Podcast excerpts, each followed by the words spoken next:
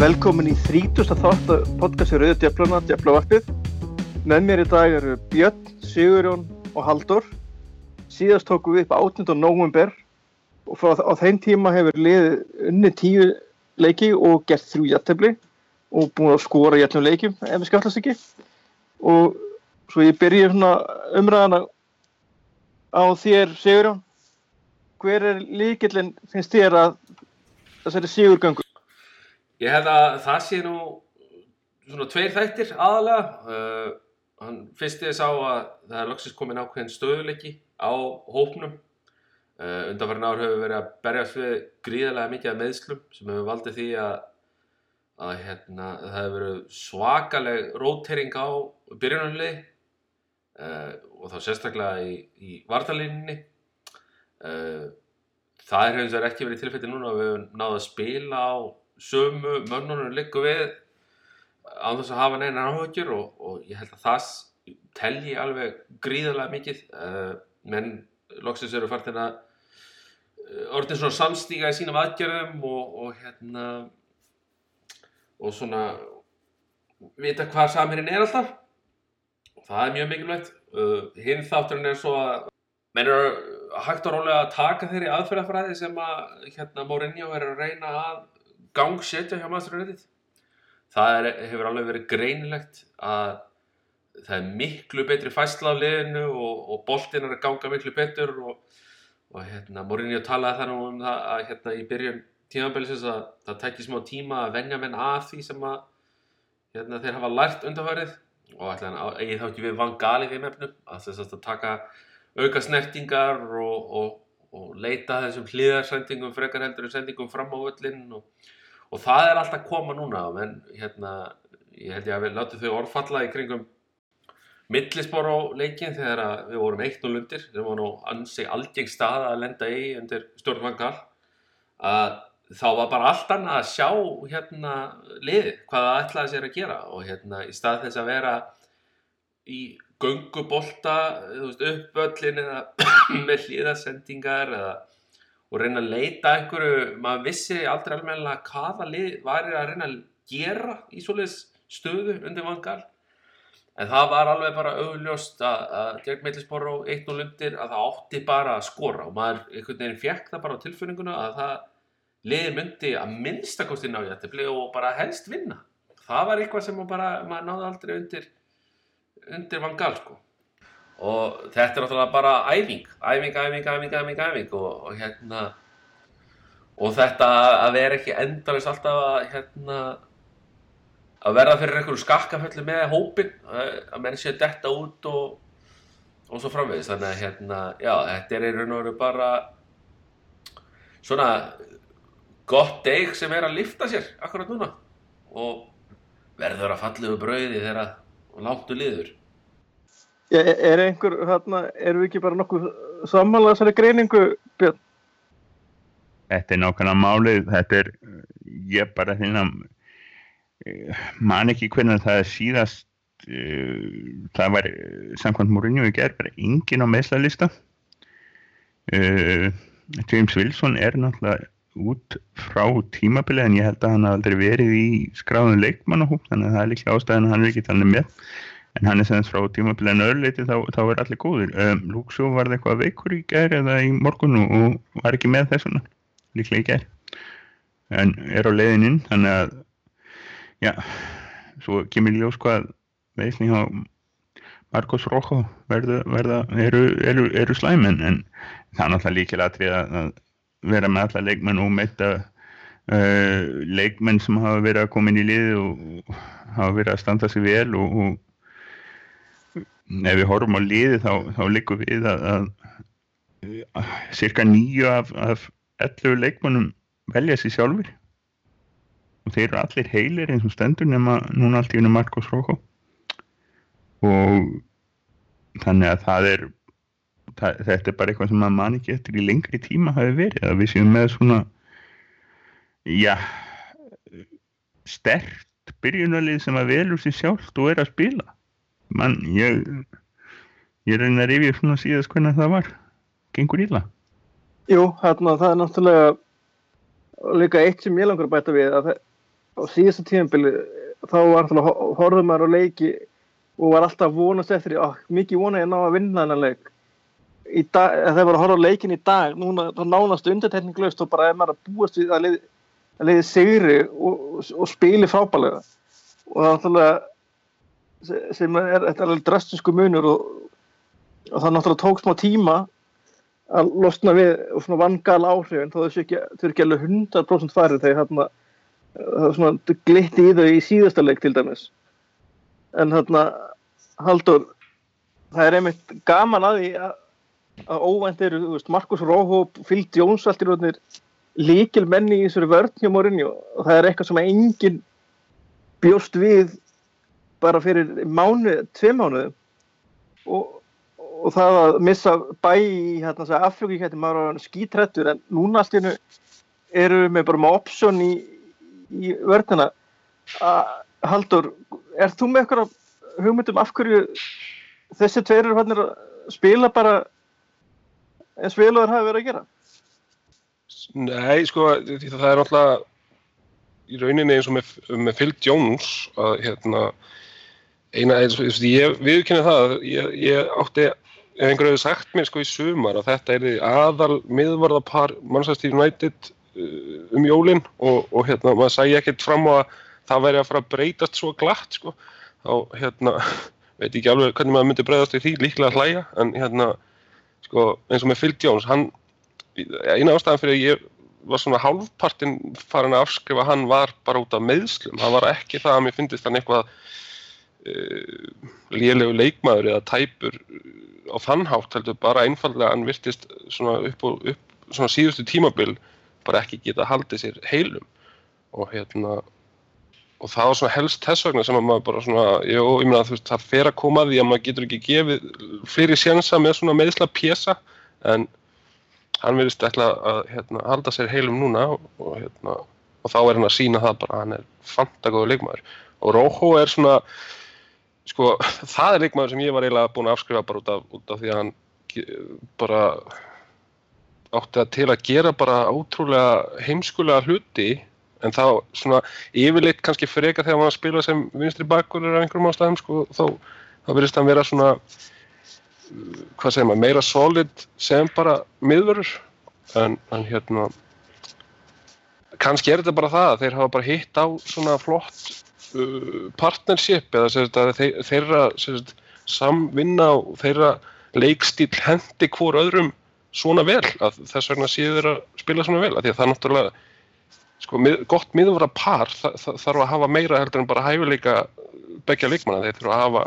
sérst, eh, samvinnu og svona tengingu og þeir virðast hafa það. Það er bara frábært að sjá það Róhó er náttúrulega stál heppin að, að sleppa þannig að hvaða tvoleiki rauð með tæklingar sem voru náttúrulega ekkert annað rauðspjöld báðar og hérna Já, þar, þar kom svona þar kom svona þessi Róhó sem maður var hrættur við og búin að vera hrættur við. Og hann hefur bara stilt sig síðan. Já, já. Finnst mér alltaf, ég veit ekki, maður ekki tekið eftir neinu svona, neinu störtluðu frá honum og, og, og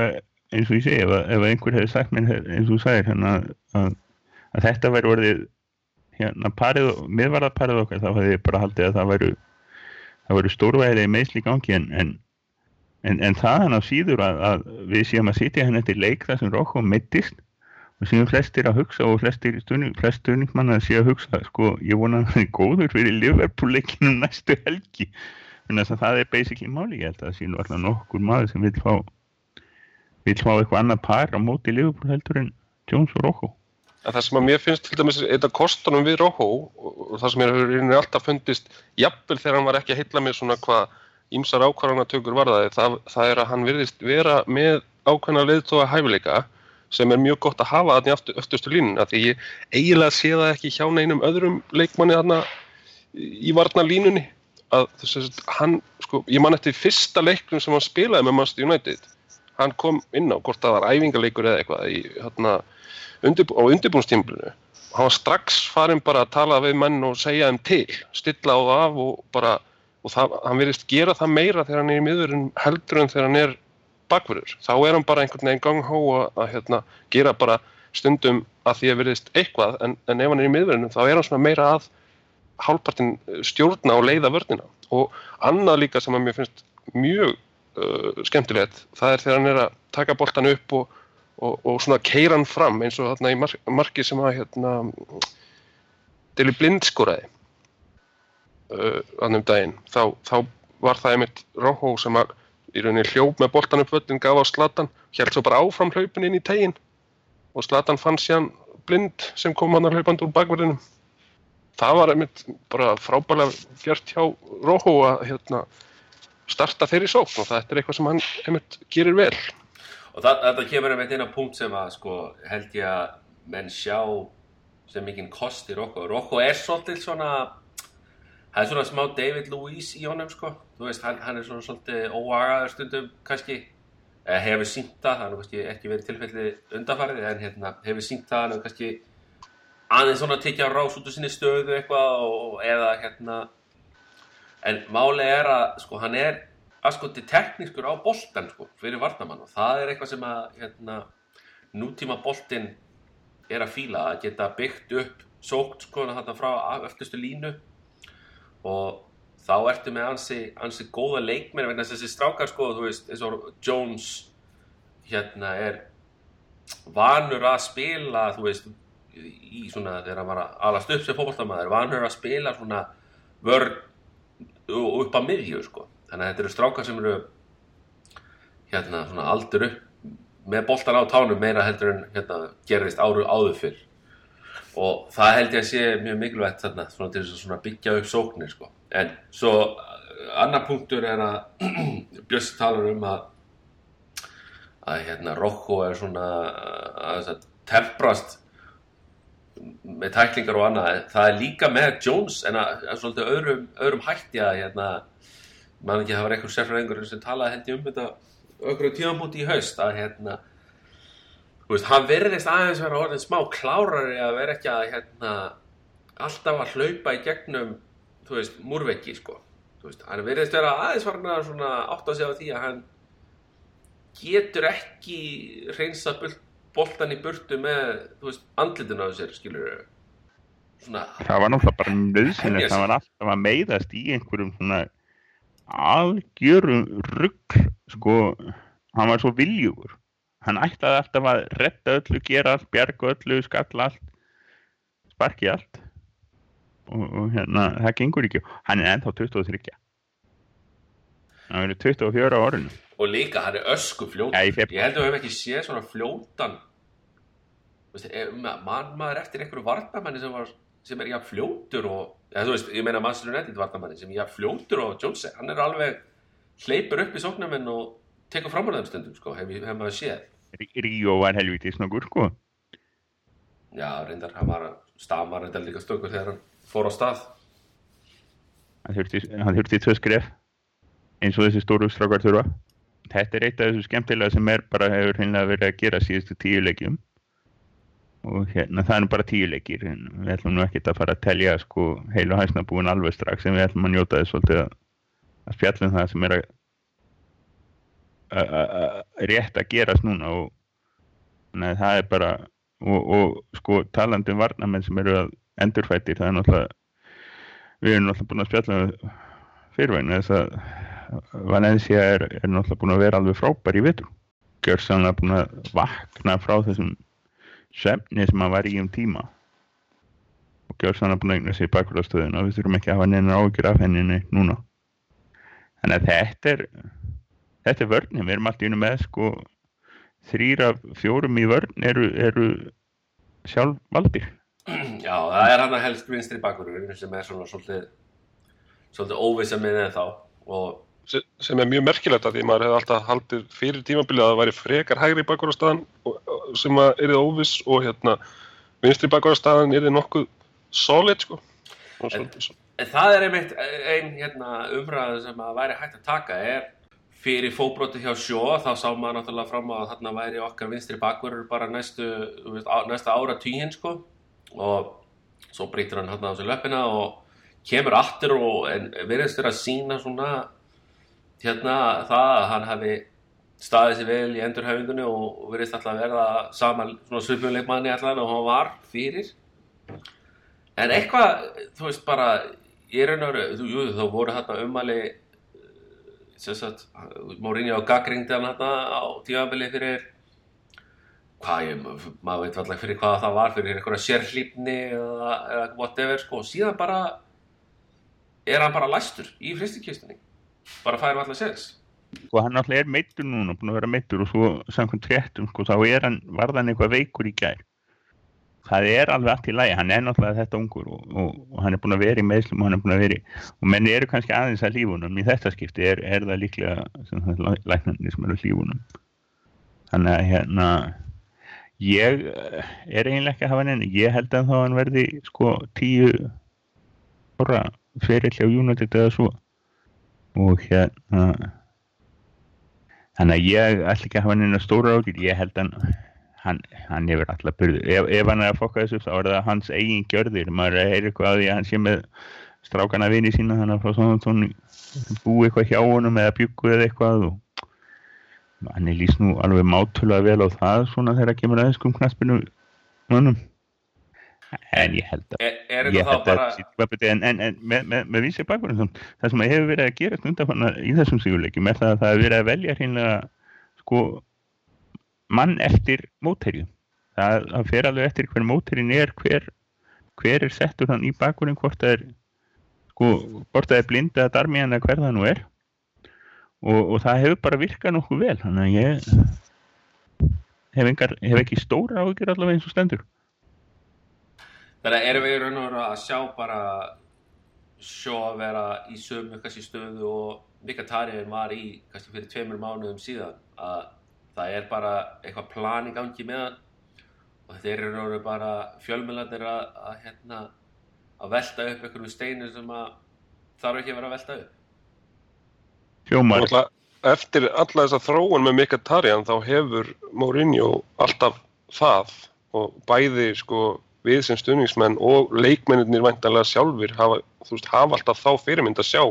já ok, þessi leikmennir er ekki að spila í einhver tíma en veist, það er alla líkur á því að hann, hann muni fá sénsinn og muni rætast úr því af því að það virkaði með Já, eflaust. og, og það hefur sko virkað ég held að ég held að það er bara magnað að sjá eitt af því náttúrulega sem hefur gerst þess að síðust að við erum búin að ræða vörnina henni í smá tíma og, og hérna en, en sko það sem líka hefur gerst er það að við erum að horfa upp á það að hérna miðjan hefur allt í einu smotli alveg gjörsanlega saman. Uh, Pogba hefur fengið betri, betri stað á miðjunni. Michael Carrick er náttúrulega að sko spila ekki búin að tapa leik fyrir United í vetur. Herrera er orðin allra uppáhald og, og Mkhitaryan er allt í einu komin hérna er bara kom þannig inn og, og varð allt í einu bara stjarnan strax. Fór að spila eins og við vorum að uh, maður hafði kannski vonað fyrir tímabili að myndi spila frá upphafi og þetta er bara þetta er draumur í dós eins og stendur allavega. Ég held að við þurfum ekki að hafa neina ágjör af því að það verði eitthvað bakslag í það heldur. Ég held að sko Mkhitaryan er ekkert fann að verða lélugur aftur nema meðist eitthvað illað eitthvað og, og Pogba þurfum valla að ræða. Líkuðu að við getum bara sagt já ok, þannig sem við Pogba sem við borgum 90 miljónir fyrir. Þetta verður flott næstu 7 ári og, og, og Herrera sem að hefur verið fekk því líka meðferð hjá Van Gaal og svona og hann er allt í einu orðin bara fann að spila eins og svo sem Valdi hefur. Karrik er alveg ótrúlegu leikið aðrið hann á miðinu held ég samt en Herrera sko bara svo að koma því fram, það er eitt sem að Herrera hefur núna sem okkur vantar svolítið. Það er alveg geðveikis ok, ekki geðveik, það er alveg rosalega lúmskur nasti strík í honum. Hann á það til að vera virkilega nasti spilari. Það bara tekur enginn eftir því að hann er svo sætur og hérna það, þurfa allir svona sko hann er, hann er svona næsti okkar David Luiz eða Pepe. Hann bara fer einlega miklu betur með það en um maður horfður stundum það sem hann er að gera er sko það er bara Já, hann er alveg, hann er alveg massíft hörku tól, sko. Hann er svona, það er rosa margt í honum sem minnir mann á skól, sko, í þessum efnum, hann fer Það- mjög harkalega í, þú veist, návi og, og svona, svona svolítið æsingur í honum, sko. Það er bara, Það er svona, bast, það er svona bastard en það er klárlega, sem að og, og hann hefur gaman að þessu en Já. hann er náttúrulega hörku spílari, það vantar ekkert en það var eins og skólsk og það sem skólskunni er það, ég held að hann, hann fekk hann einhvern tíma rauðspjald, hann kunni þessa list að taka eina tæklingu sem var alveg samlega glórulaus fá guldspjald svo ekki aftur. Já, hann já, hann að fekk all einhvern leikmann úr jafnvægi og, og víst búin að eðalegja fyrir hún leikin eða eitthvað sko. Og, og það er bara þannig í fótboltanum. Það er sko eins og ég segi hvort sem það heitir Pepe eða David Luiz eða, eða, Graham Sunes eða hvað það vant, það, það er alltaf þurft eitt svona næst í bastard. Það, það er alltaf hjálpað liðum. Og, og það, það er mikið lista að gera þetta rétt. Ég talandi um miðjuna, það er náttúrulega eitt leikmann sem að menn voru að búa stuðið að er þið arftæki Karrik á sínum tíma. Og það var hérna Morgan Snædilin og, og allt bendi til þess að hann sé á leiðinni út í þessum janúar glugga og, og tveir hérna risöldum meðlumi sem eru stattir þessu þætti eru með skiptar skoðanir á, á þeim fílaða skiptum Svo ég byrji nú á þér Sigurðun, þú, hérna, þú hefur mikinn áhuga á Morgan Snædilin. sko, mikinn áhuga ekki mikinn áhuga ég hérna sko, þetta byrjaði nú hérna alltaf Twitter þar sem við vorum að ræða þetta var það ekki bara fyrir vikunni kannski að hérna þá voru konar einhverja fréttir þess efnis að að Morgan væri hugsalega á leiðinni til Evertón það var nú einhverja fréttir rángar fréttir reyndist síðan að hérna að hann var reyðlega komin í lækniskoðun og hvaðina en það reyndist nú ekki rétt. En hérna ég let það hafa eftir mér á á, á Twitter að mér þætti leiðilegt að sjá þetta og þetta væri flopp sem að ég hefði enga veginn búist við. Og það voru nú einhverjir hérna sem að mentust á það að þetta væri nú bara hann hefði aldrei syngt neitt og, og maður væri bara miðlungsleikmaður og mætti bara fara. Og þar, þar á meðan var ég held að Björn hafi sagt að hérna, hann væri ekki afgerandi leikmaður og þar að leiðandi hérna mætti, mætti hann gossa. Sko ég það er, ég get alveg tekjundi það að Morgan Snædilin hefur enga veginn verið afgerandi leikmaður. En það er líka margir leikmenn í hópnu sem við viljum ekki láta fara sem, sem get ekki titla sem afgerandi leikmenn. Þannig að ég svo sem kaupi það ekki alveg. Sko málið með Morgan Snædilin er það hann spilar í þessari stöðu sem að í raun og veru Karri er að spila. Uh, hann hefur sínt það með Southampton, sínti það með Southampton að hann var gríðarlega lúkin í þessari stöðu hann var keiftu til United uh, með það að leiðaljósi að taka við kefluna af Carrick uh, hann kemur inn hann spilar eitt tímabil uh, undir Louis van Gaal. Þegar að United er að spila leiðilegsta bolta sem að maður hefur séð frá veist, 1980 eitthvað sko. Þannig 30 ár cirka. Uh, þegar spilaðu það með tvo djúbulíkjandi miðjumenn sem að var mjög auðljóst og er mjög auðljóst í dag þegar við horfum á United liði spila í dag að það er hreinlega bara eitthvað sem að mun aldrei virka. Uh, þeir svona voru líka við að cancela hvort annan út sko, Snædilin og Carrick. Það var yfirleitt alltaf þessi svona uh, hvað við segja, þessi hérna Snædilin spilaði langflesta hérna leikina í deildinni fyrra. Hann spilaði eitthvað í Evrópu uh, svona kannski helming leikjana og spilaði náttúrulega ekkert í hérna byggakjarnanum í fyrra. Þannig að það átt að rótera liðinu svona. Þetta var alltaf Carrick, Schweinsteiger og hérna Stætilin sem áttu svona að róteta í þessari stöðu. Uh, eins og við munum þá reyndi Van Gaal að nota Fellaini í þessari stöðu eitthvað líka en gekk ekki, ekki vel. Uh, þannig að sko ef maður bara horfir á tímafili í fyrra þá spilar hann leik, þá spilar hann sko, ef við tökum bara deildina sem dæmi, það sem hann spilar nú eiginlega mest, þá spilar hann 25 leiki í deildinni, byrjar í 25 leikjum og kemur inn á í, í sjö leikjum í viðbót. Og hann er, það síndi sig í raun og veru að hann var, hann var, tók þátt í 16 sigurleikjum af 19 sigurleikjum að þetta í fyrra og ég man mjög vel eftir því að, að hérna, þú veist þessi tíst sem maður er að sjá núna um Carrick, um það að þú veist, liðið tapar hreinlega ekki undir, undir stjórn Karrik að þegar að Snædilin var ekki að spila í fyrra þá sá maður stundum tíst koma fram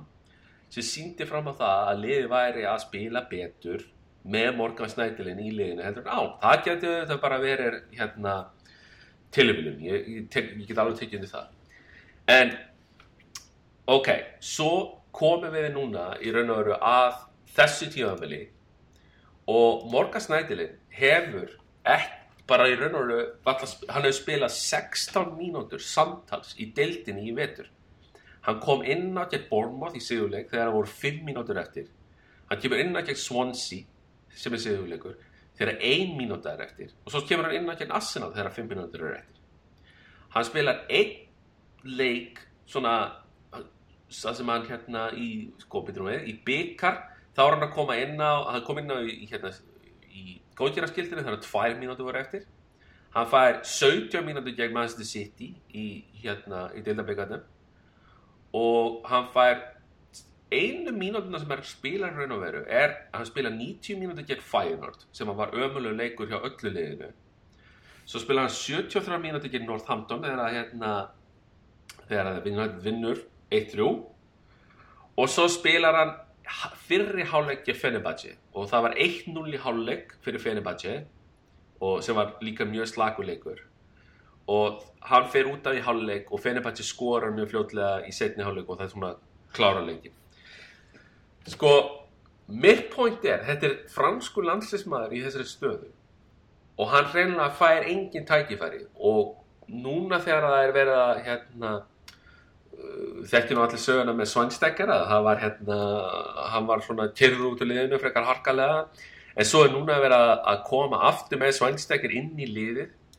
Og ef við horfum bara til framtíðar að þá er náttúrulega Morgan Snædil miklu meiri, hvað, er, 27 ára okkar núna, held ég verið 28 ára á þessu ári. Og Svanstekar verður held ég 33 ára á þessu ári. Og ég bara skil ekki akkur að vera að koma eða, eða er á hérna, vera með eitthvað svona mann í þessari stöðu að þá hérna, skil ég ekki alveg akkur verið er að, að lífga við Svanstekar en halda Morgan ennþá úti. Morgan vill bara spila og ég held að sé komin ákveðin sagt, það er þetta, ef að það er rétt sem að, sem Mourinho segir að Morgan hefur reynilega bara beðið um að fá að fara, þá er það mjög náttúrulega mjög leðilegt og maður hefði viljað en að hann myndi kannski þrauka þess lengur, en ég svo sem get alveg skilið það að maður í hans stöðu landslismadur uh, þarf að halda sæti sínu þar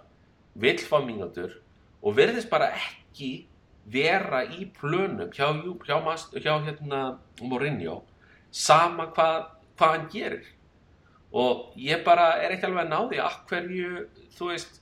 þegar að Ka- Karrik er að spila glæsið það, má ekki taka það, að það af honum ég bara skil ekki þegar það er að kvíla Karrik að hverju við erum að dæla strax fyrir leiníin í þeir, þá stöðu sem backup eða þá svænstakir hugsanlega? Og svænstakir hefur nú lítið þeim ekkert spilað en samt, það virðist vera eins og morgasnættiðin sé í raun og veru fjórði maður inn í þeirri stöðu. Og ég bara, ég er bara ekki að ná því. Það er bara málið sko. Þetta er, þetta er sko allt staðreindir eins og þú segir. Og ég, ég get í sjálf og sér það sem slær mig strax þegar ég er að horfa á þetta, ég er myndið að horfa á það sem þú daldir upp hérna þessar spilamínútur sem hafa verið sko stundum teljandi á fingur mannar að handar. Að, að það eina sem það segir mér þegar ég sé svona leikmann hann er hann nema í, hann er í franska hóknum, hann er ekkert að uh, berjast inn á, hann er ekkert að spila hann var ekki í Evrópahóknum samt í, í hérna en hérna, það eina sem þetta segir mér er það að hann er ekki að gera hlutin á æfingarsæðinu það er það fyrsta sem er dettur í hug.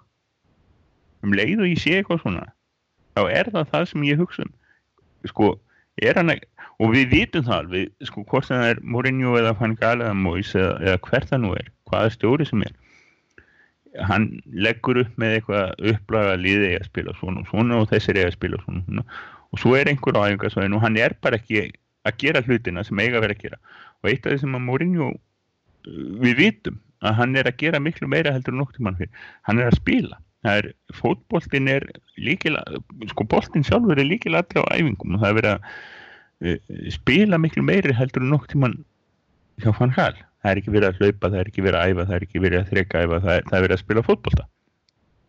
Og æfa fótbolta. Og hérna og það bara og það hlýtur einhvern veginn að hafa verið þannig að hann hafi byrjað hann, sko, hann er að spila hann eitthvað í ágúst og september og, og, og svo, svo spilar hann ekki nema, spilar hann ekki heilan mánuð frá þessum Northampton leik þann þessum að spila 73 myndur og hérna og það, sko málið er einfallega það að það veriðist vera að ég, ég verðum alltaf núna konum með stjóra sem ég treystu svolítið fyrir svona málum að hann sé ekki að standa sig nógu ræðingu þannig að hann fær ekki nógu marga sjensa sem getur að verið þetta ósangægt það er stundum, stundum fá menn ekki sjensana sem þeir eiga að fá, við, við, það er bara fólkbólting og svo er það öruglega og svo virðist að vera þannig að einhver tíma þannig í nógumber hafa hann reynilega ákveða að fara. Uh, Samuel Luckhurst á Manchester Evening News sem er orðið að arkasta sorpriti en samt hann, hann verðist haldaði fram á Twitter að, að það sé sko mánuðu síðan að Snædelin sandi við Everton eða komst að samkómulagi við Everton. Hann bara vilji fara, hann vilji spila hann vilji Everton er lið sem er alveg klárlega algjörlega á hans level sko sem fasta maður í liði. Það er ekki nokkuð spurning um það. En, en, en spurningin kannski sko og ég minn langar ekki aðeinslega mikið til að verja fælæni en hann getur svo allavega eins og hann gerði þannig daginn hann getur spilað spilað á toppnum á miðunni sem að snættilinn getur alls ekki. Þannig að það er opsjónin sem fælæni hefur framhefur snættilinn og hann verðist greinlega verið að nýta sér þann möguleika til að hanga hjá United. En, en það er tvent í þessu sko sem ég er að hugsa og, og það var það sem ég var að hugsa um að þegar hann væri ekki afgjendur leikmaður. Nei, þú komst með dæmum Lingard sem er klárlega hópleikmaður og ekki meira en er, er sáttu við það að vera hjá United og vera í hóp. En sem komið er allavega en sem komið er, hann ferur eftir áriða svo ég meina, ef þetta verður óbreytt- hann er ennþá ung, það ungur hann gerir sér grein hann er fyrir því að 23 sko. Hann fer, hann, fer, hann fer eftir ára eða tvö hámark ef hann er ekki orðin fastamæður í líði sem að ég sé valla fram á það. En, en það er rosalega gott að hafa spilara í hóp. Og Snædelin ég held að líkillin að þessu öllu sé er það að hann verður aldrei meira. Hann, hann hefur spilað lítið ár en hann hefði aldrei spilað mikið meira þó hann væri, hefði verið að standa sig eitthvað aðeins þá hefði hann kannski fengið 1, 2, 3, 4 og 5 leiki viðbútt og einhverjar skiptingar fyrir Karek. En það, bara Bjössi getur gert gæfum já, já en, en hann hefur ekki einu sinni séð fram á það sko að hvort sem hann hefur gefist upp eða hvað það nú er. En, en hérna, ég, ég sé ekki alveg sko, ég er ekki endilega viss um að hann sé mitt materiál og hann vilji vera jafnvel það mikill varamaður Nei, það er eiginlega- auðvitað sko, það er eiginlega málið er það við, við þurfum alltaf sko aðarleikmenn og eins og við myndumst á áðan það er alveg magna, við erum bara konum með nýju menn sem lappa beint inn í liðið og restin eru varamenn. Og þá þurfum við að vera með menn sem er annarkvort að sjá fram á þeir eh, hafi tíma eh, til að brjótast inn í liðið eða hérna séu bara sáttir eins og þeir eru. Og, og Snædilin held ég að séu aldrei sáttur sko nema hann kom til United til að verða toppspilari hjá United og, og, og rökin hínrökin sem við svolítið myndumst á Twitter við sem að þetta var nú alveg remarkable civilized. Við erum ekkert opbóðslega ósamála þetta er meira svona bara nuans sko. Það munar sentimetr til eða frá hvort hann sé eigi að fara eða ekki en ég vil náttúrulega alveg halda honum. En, en ég er ekkert að fara að gráta að hann fari. En, en, en það var eins og við sögum sko mannum fannst hann ekkert neitt afgerandi fyrir hann var ekki sko og, og, og lokapunkturinn í því sem ég er að reyna að fara að koma mér að er það að ég held að Mourinho sé bara að hugsa ég er hjá Manchester United ég ætla að vera henni í þrjú ár allavega, helst fjögur ég ætla bara að kaupa miðmann Morgan Snædilin hann er ekki uppgreitt ég ætla að kaupa uppgreitt í sumar eða næsta sumar, eða einhver tíma þannig að það sé það sem hann sé að hugsa um. Þess vegna sé honum alveg saman það. Hann, hann er alveg til í að halda Snædilin það er það besta við þetta það virðist vera að við ætlum ekki að gefa hann á útsölu sem er indal þannig að hann fer ekki inn með að við fáum almenna pening fyrir hann. Og, og það er mjög gaman en, en ég held að líkilega til þessu sé svolítið þetta einmitt að, að hérna, það verði kiptur maður. Hvernig svo sem það fer hvort guðum að þetta hvort að þetta grísmannmáli nú þannig að ég nenni nú alltaf að hugsa um það eða vonast eftir í en, ég held að peningurinn sé klárlega til staður og það finnst einhvern svona varnamæður þá þá sé hann þá verði hann keiftur, já, þó hann sé ungur og kannski minna reyndur um morgun þetta, er bara í hug samlíkingin. Hann misti bara strætó hann, hann var Já, já, rángur maður á rángum tíma. Það er raun og raun held ég það sem er að gerast er það að hann hefur bara hreinlega einhvern veginn sko ólíkt til dæmis Fellaini sem að verðist hafa fengið svona ego boost við það að Mourinho kom og eitthvað, eitthvað hefur nú verið samtalið á milli þeirra að að, þú veist að hann, sé ekki neitt hægt að vera seldur og ég get alveg notað þig og svo, svo, framvið ég held einhvern veginn að Snædilin hafi aldrei fengið þá hérna, meðferð einhvern veginn, mann finnst svona eins og hann hafi bara verið hafi aldrei verið pumpað í hann. Hann var bara að leka úr honum loftið þú veist. Bara Nákvæmlega. hægt og hægt og rólega í all, all, allt haust og, og hann hefur bara reynilega hérna, bara ekki, ekki geta haldið það út. En hins vegar að loka E eitt með það Sigurjón eitt með það Sigurjón. Eitt sem við skulum ekki gleyma með Mourinho er það að hann hann réði sem framkvæmtastöru United í desember í fyrra. Síðan þá horfði hann á United leiki eins og hann væri framkvæmtastöru já, já, já, já. það er alveg klármála hann, hann, hann, kemur ekki, hann kemur inn með mjög fyrirfram mótaðar hugmyndir m- meira en allan hópin og Morgan Snædilinn held ég að megi segja með þetta benefit of hindsight horfandi á þetta þessa leiki sem hann hefur leikið Morgan Snædilinn hefur bara einfallega verið í mínu stáknum þar þrátt fyrir að hafa spilað alla þessa leiki En þá er líka svo sem hægt að tala um það að hérna, hann ætlaði sér alls ekki uh, að spila Carrick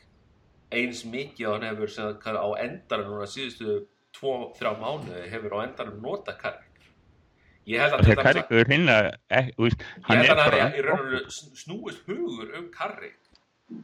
Já. Í- Á, á Það það er líka, miðju- það er líka það að Karrik hefur verið að spila betur heldur en að Karrik hefur verið að spila betur heldur, heldur en á síðan kannski og það sem betur en maður verið að vona eins og margir, margir aðri eins og en sí- sko, er verðum- að spila betur heldur en maður hefði þórað að vona með mann á hans aldri. Já, já, við verðum líka að hætta að tala um betur en að síðasta tímabili vegna þess að síðasta tímabili þá var veru bara Martial og De Gea sem voru að spila eins og leikmenn sem að Nei, eh, nei, við náttúrulega Voru bara að gefa okkur það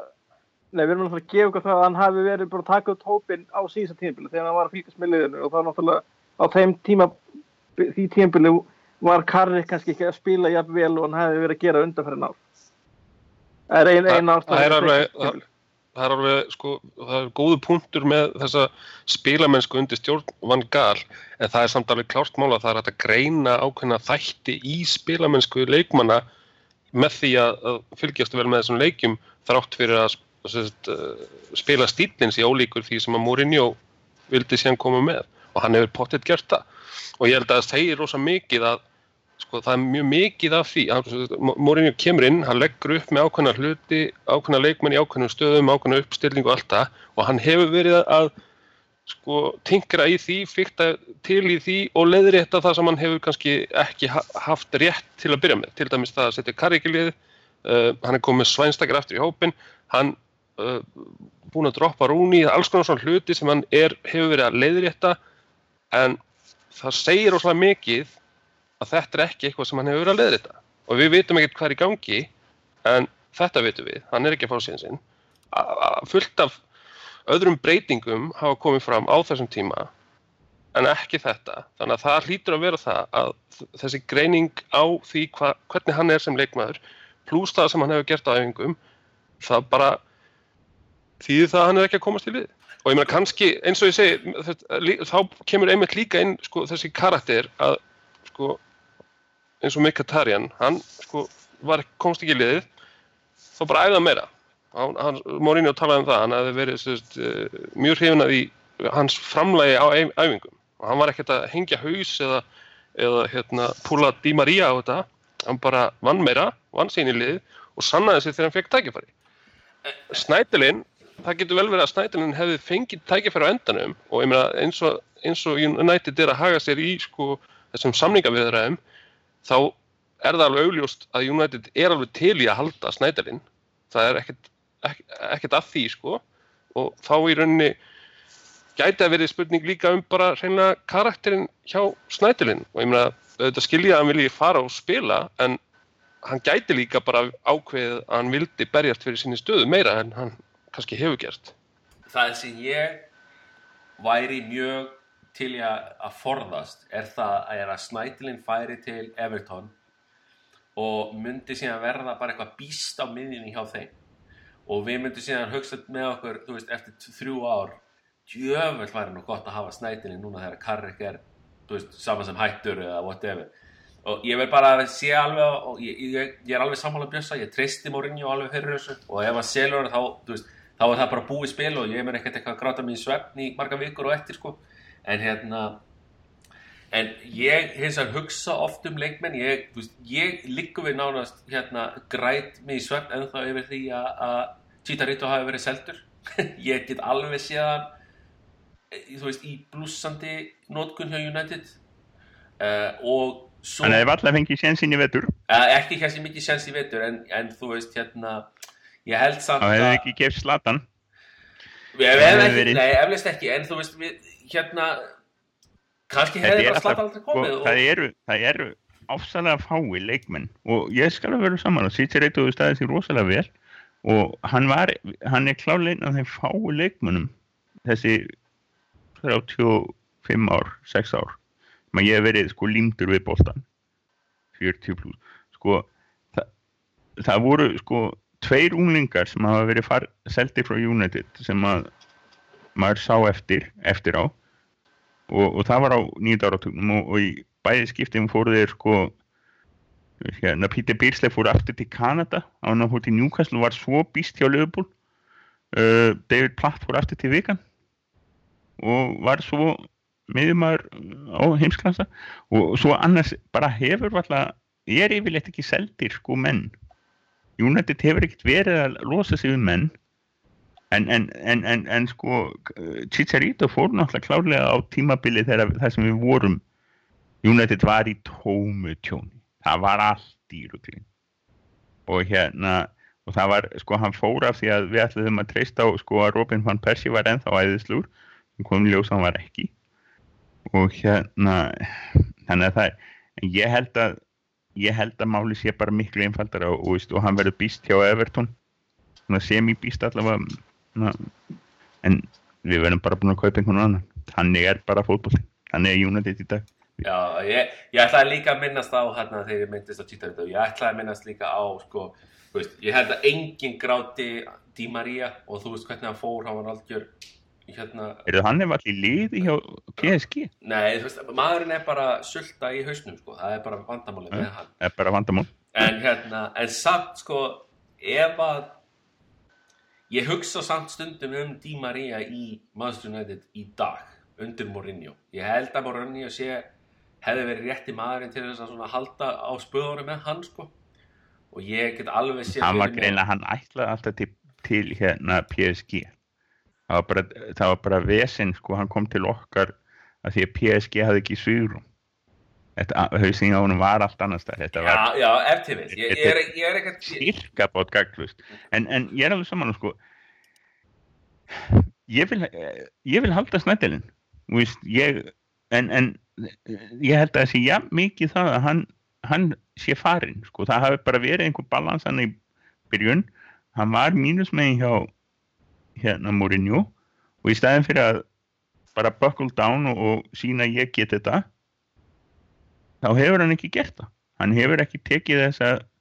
sko á æfingum. Þetta er ekkert skrifstofutjóp sko. þetta er veist, það sem þú bara mætir og, og, og ska, ger, gerir vinnun og svona. Þannig að ég held bara að hann hafi ekki þetta sé líka honum að kenna. Mér sýnist það. Við lesum æfisugun eftir fjór ár en hérna það kemur ljós. Ég meina, þú veist, það er, það er alveg ágættis líkur held ég, þú veist, ekki að maður vita, en þú veist, ef hann hefði ekki verið búin að uh, byggja um sölu eða, eða ge- allan að gefa þér skinn formlega eða óformlega að hann vildi fara, þá hlýtur hann nú að hafa, þú veist, þá myndi maður ætla það að hann hefði fengið einhverja mínútur þarna um jólinn til dæmis og, og í janúartörninni og svoleiðis, þannig að, Ég byrja leikum í dag. jafnvel, jafnvel. já, hann hefur klálega E- eða ekki gegn Hull. Ekki haldi kannski alveg að ekki vel á spilunum sinum eins og hann hefði, hefði geta gert í þessum máli ég held að það sé líka, það er alveg rétt hjá okkur ég held að hann hafi svona eitthvað klikka með það og það sé, menn eru orðin eitthvað kvektir varandi, var- varandi hann stöðu held. En ef ég á að tala um bara eins og mína tilfinningu fyrir honum sem leikmanni að þá hérna einhvern veginn uh, hann svona heitlaði mig ekkert þannig, það var ekki það að ég hefði eitthvað á mótunum en ég, ég, þegar ég fór til dæmis að fletta upp hvað hann hefði spilað á síðasta tímabili þá kom mér eiginlega tölvöld á óvart hvað hann hefði spilað mikið. Hann, hann var hérna, það voru fimm útileikmenn með fleiri mínútur en hann í deildinni allt síðasta tímabil. Og það, ég svona það, það, það sagði mér þáttið mikið af því ég var svona einhvern veginn ennþá á því að bara ég og hann þarf svona ennþá að fara að fá svona einhvern, einhvern sjens þá tók ég með þetta tímabil og fannst einhvern veginn eins og hann hefði aldrei fengið almennilega sjens þá heldur. En hann spilaði bara helling sko. Hérna, ég meina auðvitað, auðvitað, auðvitað er ég ekki að dæma hann út frá því að því að þú veist ég veit að þetta var hundleglu bolti og allt það og, og ekkert mikið svigrum til þess að gera skemmtilega hluti þannig lagað. En það er samt svona mér fannst það svolítið lýsandi sko, allan fyrir mína tilfinningu fyrir hún sem leikmanni, ekkert, ekkert meir en það. Og hérna og ef við ættum að tala um til dæmis svona potential sem ég sé eftir að þá myndi ég alltaf setja sko, Memphis Depay ofar fyrir mig heldur en Snædilina því að nú er ágætis líkur á því að þessi báðir að fara núna í januar og hérna ekki það að við séum eitthvað illa settir í þessari stöðu sem að Memphis Depay er bestur í eða þessum stöðum sem hann sko spilar, við erum bara mjög vel mjög vel settir þar, en þá samt einhvern veginn sé ég meira eftir því sem hefði getað orðið með hann heldur en því sem hefði getað orðið með, með Snædel en það er bara mín tilfinning, það er ekkert svona það er ekkert eitthvað sem ég get raukstuð sko. Nei, það, það er einmitt sko, ég held að það hérna, vegna þess að þú segir að þú varst ekki alveg, hérna, varst hiss á því hvað spilaði mikið í fyrra. Það til dæmis, ég man mjög vel eftir því hvað spilaði í fyrra og, og hérna, þú veist, því að ég kannski svona uh, dregst svolítið meira að leikmennum, eins og mínir uppáðs leikmenn í gegnum tíra hjá United, það var yfirleitt verið, þú veist, er náttúrulega Pól Skóls og hafa verið, þú veist, síðan varnamenn og svo framvegs, ég hef alltaf svona laðað svolítið meira að ruslaköllunum heldur en hinum sko. þannig að ég held að það geti líka bara verið svona þú veist eh, kannski karakter einkenni á stöðinni og jafnvel á leikmennunum sjálfum það er náttúrulega klálega þú veist, Snædilin er ekki að hérna að keira Bentley bíl í camouflage hérna málingu skilur ég held að, að ég held að sé að Memphis er svona svolítið meira æpandi karakter líka heldur, en Morgan er sko. maður kannski spilar einhver rullu, menna ég. Þetta kemur allt í ljós með þennan klukka sko, það er það er verið að töða eitthvað endalaust um þennan hvað við ætlum að gera, hvað United ætlar að gera. Og hérna ég held að þeir verða nú öruglega báðir farnir í, í loki janúar held ég Memphis og, og Morgan. En, en það verður meira spennandi, það kemur í ljós hérna. Það er hins vegar meira spennandi með, með hafsendana sko, nú er náttúrulega eh, maður er færð á tilfinningun eftir að vel fylgst svolítið með þessu að að uh, hann, hann uh, Viktor Lindelöf hjá Benfica að þetta sé meira spurningum að Benfica sé að reyna að selja United Lindelöf á springtu verði frekar en að United sé að reyna að kaupa. Og hérna e, það mál virðist vera alveg hérna e, ég, ég sé ekki að það sé eitthvað neitt ægilega dönn dýl eins og að verður fróld að sjá sko ef að, að, að Rokko er mittur eitthvað þannig að hann sé frá einhverjar vikur núna um leið og við erum, erum bæli, bælilausir. Hann er fannin til uh, Gabon þar sem er áhrifku kemnilandslega uh, þá hérna þá held ég að við séum frekar að fara að sjá sko Mourinho henda einhverjum fimm kúlum í í, í Sáðantón og taka fonti yfir sem bara tímabundna lausn á, á vandamáli sem geti hugsanlega bara verið le leist í vor þegar þeirra bæi og Jones og Rocco og Smalling er allir á, á í fullum gýr þannig að það verður við erum, annars held ég að við verðum sem þetta voru rólegir í, í klukkanum en ég veit ekki hvað kom hinst Já, ég held að það hafi þarna algjörlega summað hennar klukka fullkomlega upp. Og hérna og svo sem ekki mikið við þetta að bæta höður en, en framöndan eru uh, stóri leikir svo sem, það er hérna fyrri undanústuleikur mútið húl í deildabikatum og svo náttúrulega er leikur leikjana þegar að Liverpool mætir á Old Trafford í algjörum 60 leik Hver, hvernig hvernig sjáu þið þessa leiki fyrir ykkur Sigurjón? Já, sko, við hefum náttúrulega að fara í gegnum húl, ég er ekki, ekki mikið hérna miklu áhugjur því, en það er náttúrulega þessi leikur gegn Leopold sem er, eins og segir, 60 leikur og er eiginlega minnstakosti 60 leikur. En það er alltaf að koma hérna, er framöndan fullt af umbyrðis viðrögnum á milli topplegara, sérstaklega hjá Leopold er að fara í, er í mjög erfiða, hérna, erfitt sessjón framöndan hjá þeim og hérna, þannig að við erum svolítið í dauðafæri með því að vinna hérna, leikið gegn Leopold til dæmis að þá erum við konið hvað í 42 stig og Leopold verður það í 44 og það er þetta 2, 1, 2, 3 stig hérna á, milli allra liðana í öðru til, til hérna, sjötta sæti. Þannig að það er alveg krúsjál atrið að ná sigri Old Trafford og hérna Leopold hefur verið ótrúlega ég, ég hef mikla áhengjur af Leopold, satt best að segja þeir eru líka núna þú veist, ólíkt þessi tímabili, svaka tímabili þeirra hérna undir Rodgers að þess að þeir runnu alla leiki bara 5-3 og eitthvað að þá voru þeir alltaf að kannski að tapa einum og einum leik hér og þar í svona gegn einhverju lakari liðanu en núna eru þeir að vinna þá leiki, þú veist, 1-0 og eitthvað svona, sko. Jú, jú, þeir gerðu jafntefni þannig daginn 2-2 gegn Sönderland en hérna en það hefði verið leikur sem að þeir hefði pottið tapað, sko uh, hérna, fyrir, veist einu, tveimu, þreymur árið síðan. Þannig að þeir, það komir eitthvað svona sigla í þá, sko, ég er ansi smeykur við þá, einhvern veginn núna. Þeir verðast alveg geta, þú veist, gert hvað sem er á hvaða velli sem er sko.